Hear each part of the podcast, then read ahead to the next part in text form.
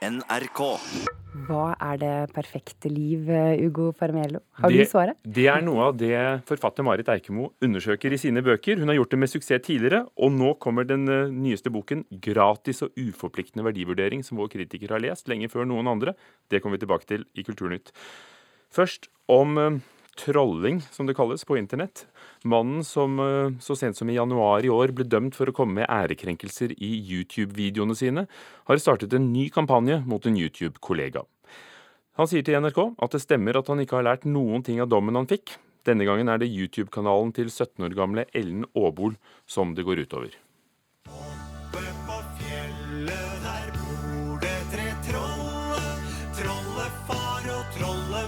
Den kjente barnesangen blir brukt til å illustrere et ganske annet poeng enn vanlig i denne videobloggen. 20-åringen bruker YouTube-kanalen sin til å fortelle hva han mener om mye og mangt. Nå mener han at Ellen Aabol troller på sin YouTube-kanal. De to videoene om Aabol har blitt sett mellom 50 og 60 000 ganger hver, og begge har rundt 1000 kommentarer under seg. Han snakker om at det er riktig å hate Ellen, fordi han mener hennes engasjement for fattige er falskt, og dietten hun taler varmt for er helseskadelig. Han har også startet en underskriftskampanje for å protestere mot at hun er nominert til videoprisen Gullsnutten, som deles ut neste helg. I Oslo tingrett ble mannen tidligere i vinter dømt for ærekrenkelser mot Dennis Vareide, ene halvparten av YouTube-duoen Preps og Dennis. Vareide håper dommen i hvert fall har lært seere og lesere noe. Forskjellen på hva som er greit å si, og hva som er strengt talt ulovlig. Eh, forskjellen på hva ytringsfrihet og hva det innebærer. Da. Og hva som er satire og ikke satire og lignende. Og, og hva som er, er ren trakassering. Youtuberen som kommer med beskyldningene mot Ellen Aabol, sier i en e-post til NRK at jeg er godt klar over hvilke konsekvenser videoene og kampanjene mine kan ha på folk, men når alt kommer til alt, så er det faktisk slik at man må forvente kritikk når man kommer med så kontroversielle utsagn. Han sier videre at når han bruker slenguttrykk for motbydelig og usmakelig om henne, så er det ment som satire og humor. Slik tolker ikke Dennis Vareide det.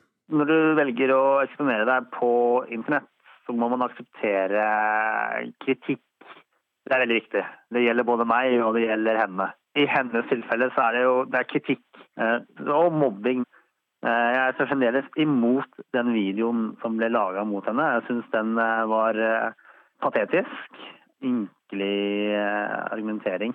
Det er forsøk på satire, men hvis det der er satire, så har satire tapt seg, for å si det mildt. Selv ønsker ikke Ellen Aabol å stille til intervju, men hun skriver til NRK at hun synes det er trist at youtuberen skjuler mobbing og netthets som satire, og får følgerne sine til å tro på dette. Samtidig er det et eksempel på at mobbing og personangrep ofte går ustraffet og uten særlig konsekvens. Aabol understreker at eventuelle lovstridige ytringer vil bli politianmeldt. Medietilsynet jobber mye med barn og holdninger på nett. Seniorrådgiver Rita Astridsdotter Brudalen sier det er all grunn til å være oppmerksom på utviklingen. For barn og unge så er jo det å, være på sosiale medier og det å delta, det å konsumere og produsere en stor del av deres liv, og det kan være fint og utviklende. Det vi må passe oss for, er at dette utvikler seg i sånne underkulturer der barn og unge holder på alene og, og utvikler en språk og en måte å snakke til hverandre på som man, som man tror er greit, men det er faktisk ikke det. Og reportere var Kristin Granbo og Thomas Alvarstein Ove. Det skal handle om fotball. Skal vi ikke gjøre noe med det. Det er den riktige tingen å gjøre. Riktig for hvem da? For deg, for oss, for fotballen, for verden. Nå må du gi deg. Det er ikke riktig at du skal bli utsatt for overgrep, og at konsekvensene er Må du kalle det et overgrep? Jeg er ikke traumatisert. Jeg sitter ikke i badekar og griner. Det er ikke riktig at han skal slippe unna med det. Vi har ikke noe bevis fotball og seksuell trakassering fra søndagens episode av TV-serien Heimebane på NRK, der Ane Dahl Torp spiller fotballtrener. For ett år siden, før metoo-kampanjen mot seksuell trakassering i det hele tatt startet, leste Torp manuset til serien, der den første kvinnelige eliteserietreneren i Norge for et herrelag blir antastet av en mannlig trener. Jeg leste jo det her for uh, over et år siden, og da var jo ikke metoo et begrep i det hele tatt. Og det var heller ikke Den typen situasjoner var ikke noe jeg hadde tenkt Eller snakket så mye om, da. Så det var, det var noe jeg på en måte kjente til fra levd liv, men som jeg ikke hadde liksom Jeg hadde ikke hatt store, lange samtaler om det. Jeg hadde hørt om situasjoner. ikke sant? Man kjente til fenomenet. Men det var ikke noe som var liksom debattert, problematisert, snakket om. Så det var på en måte ikke noe jeg hadde et språk for. Så når jeg leste det her, så følte jeg at det satte ord på, eller fremviste da, noe jeg kjente igjen. Sa Andal Torp, som ble intervjuet av Marianne Rustad Karlsen. Marie Kleve, kritiker og TV-anmelder i Dagbladet. Du mener at denne episoden av Heimbane bør være pensum for alle som lurer på hva metoo-kampanjen handler om. Hvorfor det? Ja, eh, det er, jo, det er jo veldig imponerende at dette skal blitt laget eh, før, så lenge før eh, denne kampanjen, der metoo-kampanjen tok av. For det, den går jo, episoden her den går jo rett inn i debatten, og så belyser den fra veldig mange vinkler øh, og uvanlig nyansert for en TV-serie, rett og slett.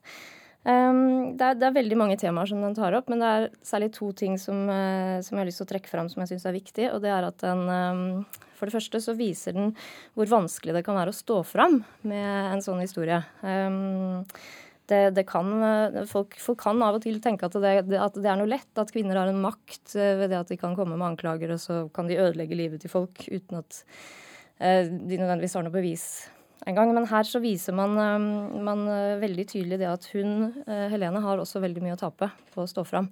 Som vi hørte her. Ja, ikke sant. Eh, Men så er det et annet perspektiv også. Det er eh, at det viser eh, hvorfor det er vanskelig å tro på en som står fram med en sånn historie.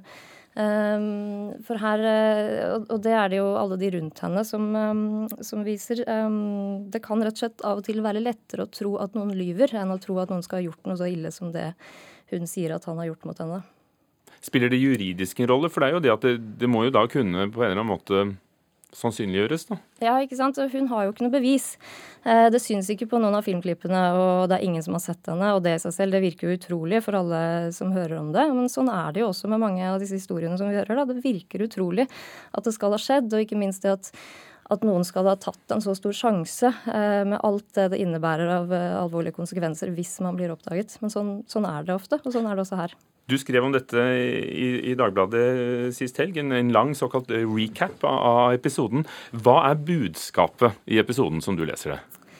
Jeg vet, ikke om, jeg vet ikke om det er noe tydelig budskap, egentlig. Det som er litt fint der, er at det er jo ikke noen eksempelfortelling. Det er jo ikke sånn at hun er en eksempelfigur som viser hvordan vi skal reagere og opptre når vi havner i en sånn situasjon, og heller ikke de rundt henne. Det er heller det at den viser hvordan noen kan opptre, og hvordan noen kan reagere, og mange ulike måter å reagere på. Og jeg tror at kanskje det den først og fremst bidrar til, det er å skape litt forståelse for ulike perspektiver, for ulike måter å se det på. Um, og det tenker jeg at det er viktig hvis man skal kunne bringe debatten videre. Da, fordi sånne debatter har lett for å låse seg i en polarisering, hvor man eh, står på hver sin side og mener sterkt ulike ting. Her, ja. Ja, Hadde dette blitt skrevet etter at metoo-kampanjen ble et verdensfenomen, så hadde kanskje til og med det ordet blitt brukt. Um, Det at ikke det refereres til metoo, er det, er det en god ting? Jeg vet ikke om det har så mye å si, egentlig. Det, det er jo først og fremst imponerende at de har klart å lage den historien eh, som går eh, så rett inn i det alle har snakket om i lang, lang tid, uten at em, det hadde skjedd. Men eh, jeg, jeg tror ikke det hadde ødelagt noe man snakket om i metoo heller.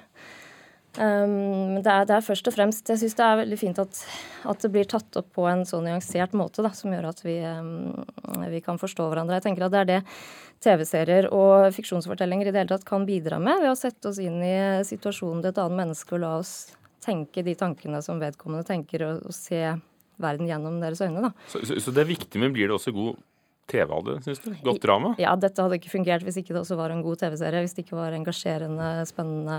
Vi, det er jo derfor vi ser på. Så det er viktig. Hvem burde se den episoden? Jeg synes jo, jeg skrev jo at det burde være pensum. Jeg håper jo den blir diskutert på skoler. Men jeg syns jo at alle burde se det. Og det tenker jeg også er ganske fint. At en sånn sendeflate som, eh, som NRK på søndager, det er primetime-TV, det er dette folk snakker om i lunsjen dagen etter, det gjør at veldig mange ulike mennesker ser på det, og det, det er ganske verdifullt. Takk skal du ha, Marie Kleve, TV-kritiker i Dagbladet. Så kan jeg røpe også at den ligger på nrk.no og på NRK TV-appen. Det var store forventninger da musikkstrømmetjenesten Spotify gikk på børs i New York i går. Børsnoteringen ble en hit, som mange av de slagerne man kan spille på tjenesten deres. Ved åpningstid var aksjekursen på 165 amerikanske dollar, og det overrasket investeringsøkonom Tom Hauglund i Nordnett. Det var langt over forventningene jeg hadde og markedet hadde. Når den åpnet på 165, så betyr det at det var ekstremt mange kjøpere som var villige til å gå mye høyere enn det mange trodde for å få tak i aksjer. Hvorfor går Spotify på børs? Det er ingen som helt vet grunnen til. Et, mange spekulerer jo at de gjør det for å, for å prøve å få bukt om all den piratvirksomheten som er ute. Uh, og selskapet sier selv at de ikke trenger penger. Uh, der tror jeg nok at uh, Jeg tror at de kommer til å trenge penger for å vokse videre. De, de sier at de ikke skal gjøre det. Jeg tror at de går på børs for at de ønsker å vokse videre, og da trenger de å ha tilgang til kapital. Reporter Oddvin Aune. Marit Eikemo har hatt suksess, ikke bare hos lesere, men også hos kritikere, med sine to foregående romaner 'Samtale ventar' og 'Alt inkludert'. Den nye boken hennes heter 'Gratis og uforpliktende verdivurdering'. Den kommer senere denne uken. Leif Ekle, kritiker her i NRK.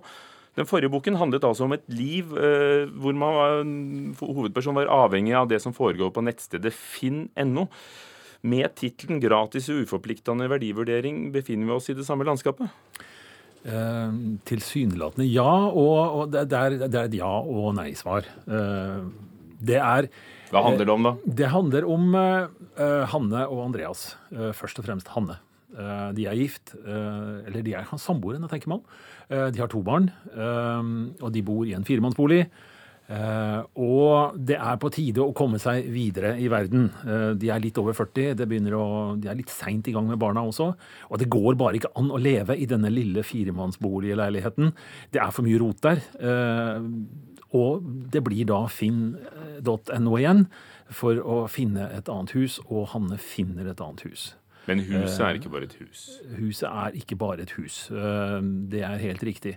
Det blir, det blir, en fortelling som først er uhyre fint beskrevet og sett, ikke minst hvordan mange av oss lever livene våre. Hvordan vi på en måte ikke makter å være der vi er, men insisterer på å komme over gjerdet, der det helt åpenbart er grønnere. Og, og, og, og, dette er fint gjort. Og, jeg tenker at ja, ja, ja, ja, fint. Men så skjer det noe. Og i dette tilfellet så skjer det i alle fall på Ikea. Eh, Hanne har tatt seg fri på jobben, fra jobben for å gå og se på kjøkken og tegne nytt kjøkken. Hun sliter litt med denne tegneautomaten som Ikea har på nettet, og kommer dit eh, og skal ha hjelp.